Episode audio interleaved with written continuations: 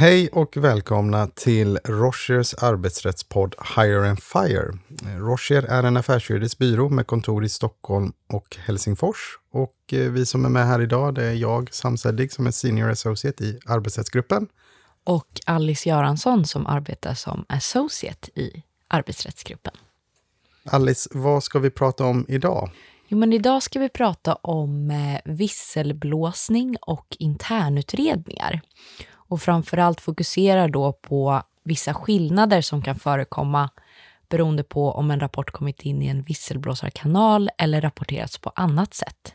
Vi kommer även gå igenom lite tips och tricks och eh, vad som är viktigt att tänka på vid en internutredning. Man kan fråga sig varför internutredningar överhuvudtaget är viktigt inom verksamheten. Är det ett måste att utföra internutredningar? Vad säger du om det, Sam? Jag tror att många företag har ett ökat fokus på sitt compliance-arbete och på ESG-frågor som är högt på tapeten. Och eh, i det så följer det också att många fokuserar på att hantera oegentligheter som kan uppstå i verksamheten. Och då behöver man ha bra rapporteringskanaler och strukturer som man fångar upp de frågorna som kan uppstå. Så att anställda eller ibland då kunder eller tredje part kan ha möjlighet att, eh, att rapportera till bolaget. Och många bolag vill ju dels komma i bukt med eventuella felaktigheter som finns i, i verksamheten såklart, men också att de vill ha möjlighet att hantera det själva. Finns det inte den typen av rapporteringsstrukturer så finns det ju en risk att man vänder sig till myndigheter eller externt till media. Och det är nog det värsta mardrömmen för många bolag att vakna upp och se att man, man syns i media på ett väldigt negativt sätt. Så av den anledningen så är det väldigt viktigt att det finns tydliga processer, dels för det förebyggande arbetet som vi kommer komma in på, men självfallet också för hur man hanterar eventuella fel som kan uppstå i verksamheten. Då en följdfråga på det, kan det också vara så att det rent av finns legala skyldigheter ibland när man måste utreda som ett företag? Absolut, det finns det. Eh, vi kommer ju prata om visselblåsarlagen idag som eh, anger att vissa typer av företag som har fler än 50 anställda eh, måste upprätta visselblåsarkanaler för att fånga upp vissa eh, frågor som kan uppstå. Sen kan det finnas speciallagstiftningar där till exempel medarbetare ska ha en möjlighet att rapportera in vissa oegentligheter som de eh, ser i verksamheten. Det kan följa av till exempel penningtvättslagen eller diskrimineringslagstiftningen, arbetsmiljölagstiftningen, för att ta några exempel. Så det finns definitivt legala skyldigheter utöver företagsinterna policies som vanligtvis finns, som ger också anställda en möjlighet att rapportera in. Men Alice, du nämnde visselblåsarlagen här tidigare. Vad är det för lag? Ja, eh, visselblåsarlagen har vi talat om i tidigare poddavsnitt faktiskt. Så att scrollar ni ner i våra avsnitt så kommer ni se att det finns två avsnitt om just visselblåsarlagen. Men lite kortfattat så kan man säga att eh, den trädde i kraft den 17 december 2021 eh, och att den stadgar då en skyldighet för företag med 50 eller fler arbetstagare att inrätta interna rapporteringskanaler. Och stora bolag med 250 eller fler arbetstagare har haft en skyldighet att ha de här kanalerna på plats sedan 17 juli förra året.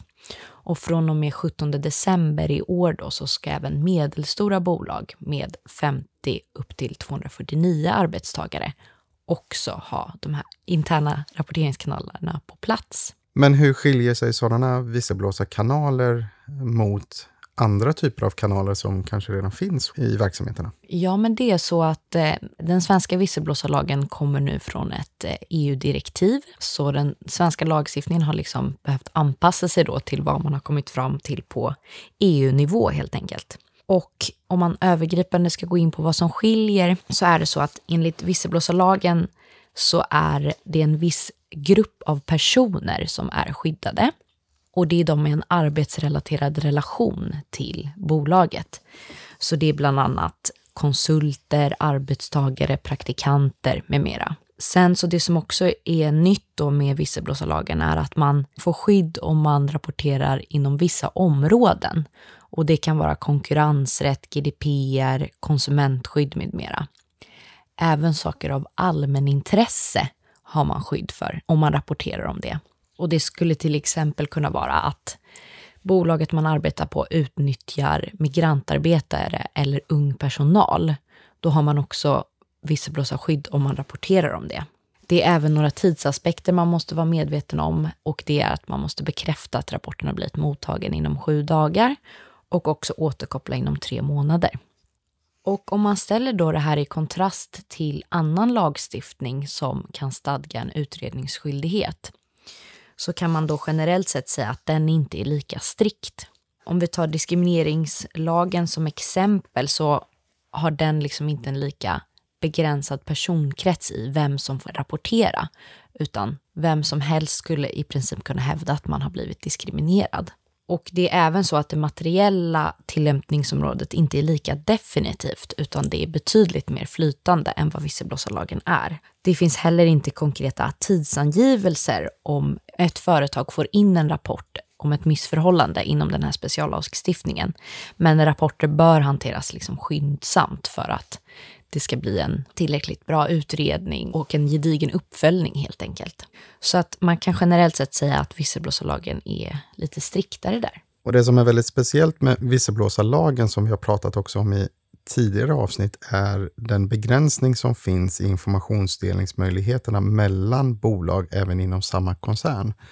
Visselblåsarlagen anger att företag som har mellan 50 och 249 anställda, så kallade mellanstora bolag, har viss möjlighet att dela information med varandra, till exempel under en pågående utredning. Medan stora bolag som har alltså fler än 250 anställda absolut inte får dela sådan information, vare sig med andra lika stora bolag eller med mindre bolag inom koncernen.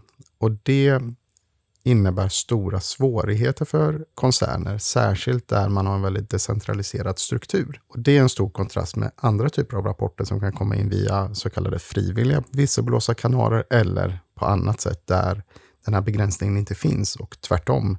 Ibland anges det till och med i vissa lagar att man ska dela information mellan olika enheter inom en koncern för att säkerställa att det finns en god intern styrning och kontroll av verksamheten. Och många gånger så ser vi att företag vill dela information mellan olika koncernbolag för att de till exempel har en delad legal enhet eller compliance-enhet eller HR-enhet. Och det är då nödvändigt att säkerställa att hela organisationen vet om vad som pågår. Ja, och det här med visselblåsarlagen kan man också då fundera på vad det får för konsekvenser för personuppgiftsbehandlingen i kanalen. För som jag nämnde tidigare så har visselblåsarlagen ett ganska begränsat scope då i vem som får rapportera, men också om vad.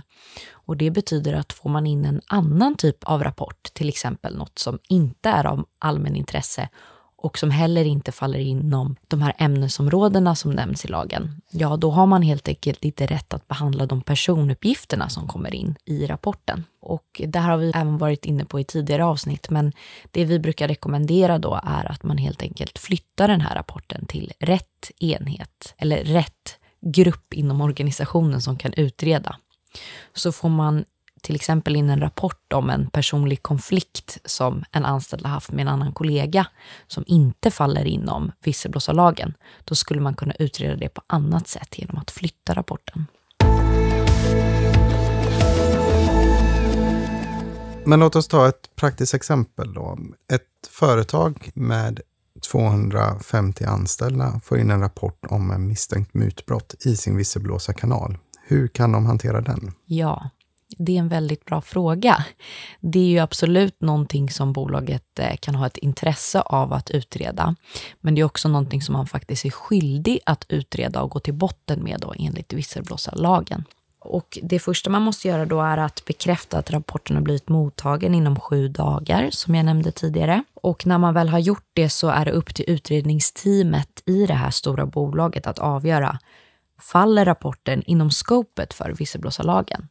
Och här kan man ganska snabbt konstatera att det gör det, för mutbrott och andra finansiella oegentligheter faller inom skopet. Så då får man helt enkelt börja utreda och eh, då försöka klara av att utreda den här rapporten på egen hand. Under utredningen så skulle man kunna ta hjälp av en extern part, för det är tillåtet enligt visselblåsarlagen. Så till exempel en advokatbyrå som skulle kunna bistå med hjälp under utredningen för att komma till botten med vad som har hänt. Och det som är unikt då med visselblåsarlagen är att man under utredningen inte får dela konfidentiell information då mellan de legala enheterna som utgångspunkt, eftersom att det stora bolaget här måste kunna utreda det rapporterade själv. Det finns vissa möjliga möjligheter till behöriga röjanden eh, enligt lagen, vilket betyder att om det är absolut nödvändigt för att till exempel vidta en åtgärd i utredningen så kan man dela viss information som framkommit av rapporten. Till exempel om man måste säga upp någon med anledning av det rapporterade, då är det okej att dela identitetsuppgifter som har framkommit i utredningen. Men mot slutet då så ska det här utredningsteamet sammanställa rapporten i skrift och också föreslå åtgärder. Man ska även lämna information till visselblåsaren inom tre månader. Sen så ska man vidta de här åtgärderna och avsluta med att spara ner informationen på ett säkert sätt enligt GDPR och visselblåsarlagen.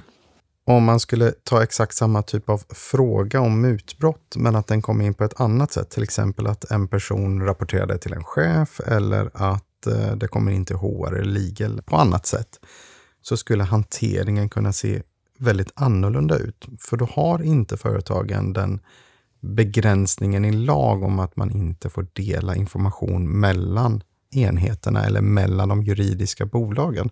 Utan i många fall så skulle till exempel en sån fråga kunna hanteras av legal och compliance som sitter mer centralt och supportar hela koncernen. Och det finns inte heller samma typer av regler kring tiden, hur snabbt man måste återkoppla till eh, den som har rapporterat in det här eller hur snabbt man måste utreda frågan.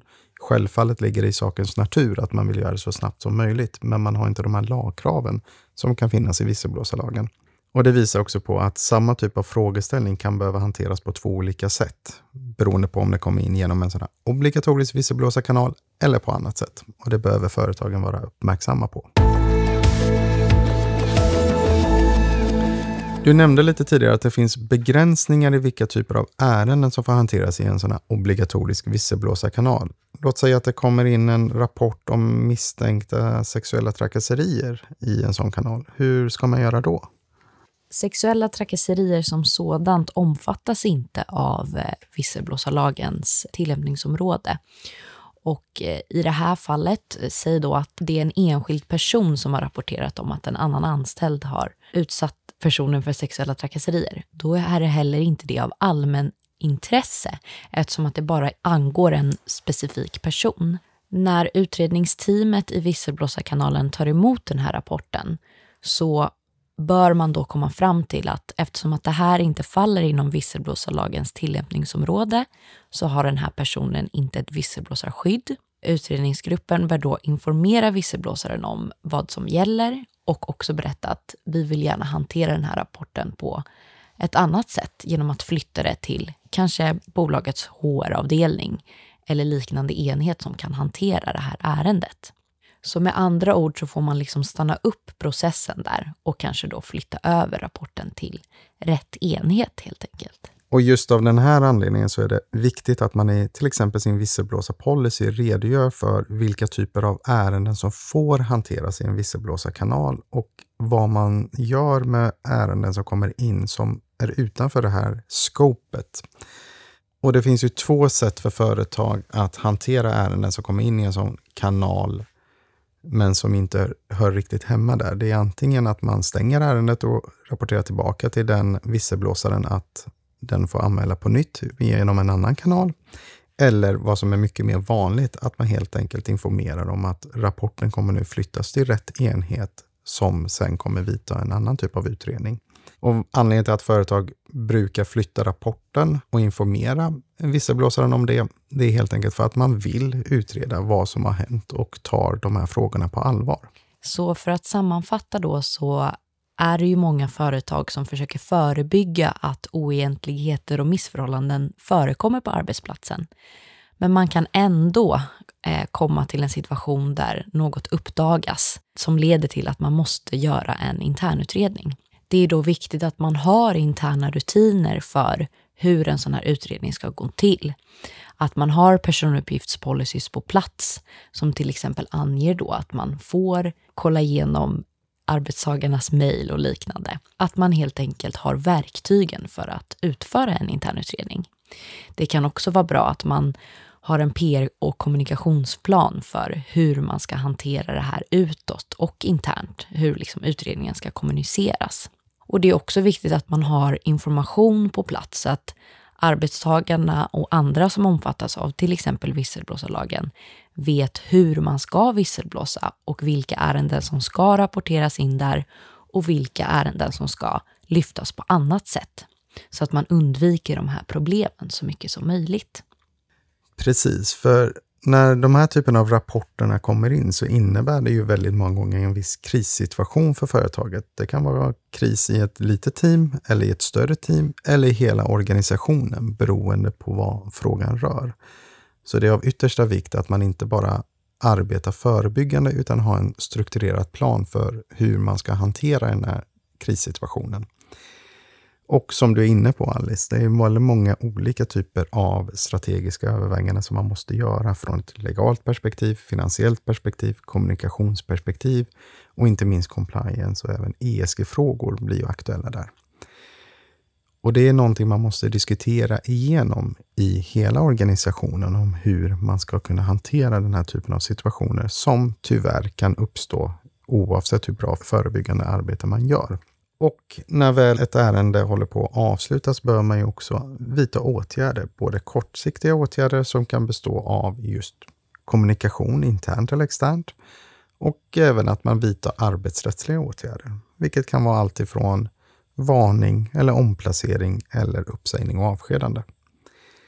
Och här kommer också de långsiktiga åtgärderna in. Att man lär sig av det fel som man upptäcker i en rapport och arbetar igen då förebyggande med de här frågorna för att se till att en liknande situation inte uppstår igen. Och det förebyggande jobbet i den delen kan ju vara att man ser över sina förhållningssätt i vissa typer av frågor beroende på vad ärendet rör. Att man ser över sina policies och rutiner, kanske instruktioner till chefer och inte minst utbildning, både till chefer och till annan personal så att de förstår vad som är rätt och fel och hur man kan agera. Och med det sagt så vill vi avsluta dagens podd och tacka så mycket för att ni har lyssnat. Har ni några frågor så får ni gärna kontakta oss. Eh, våra kontaktuppgifter finns på Rochers hemsida. Tack för oss! Stort tack!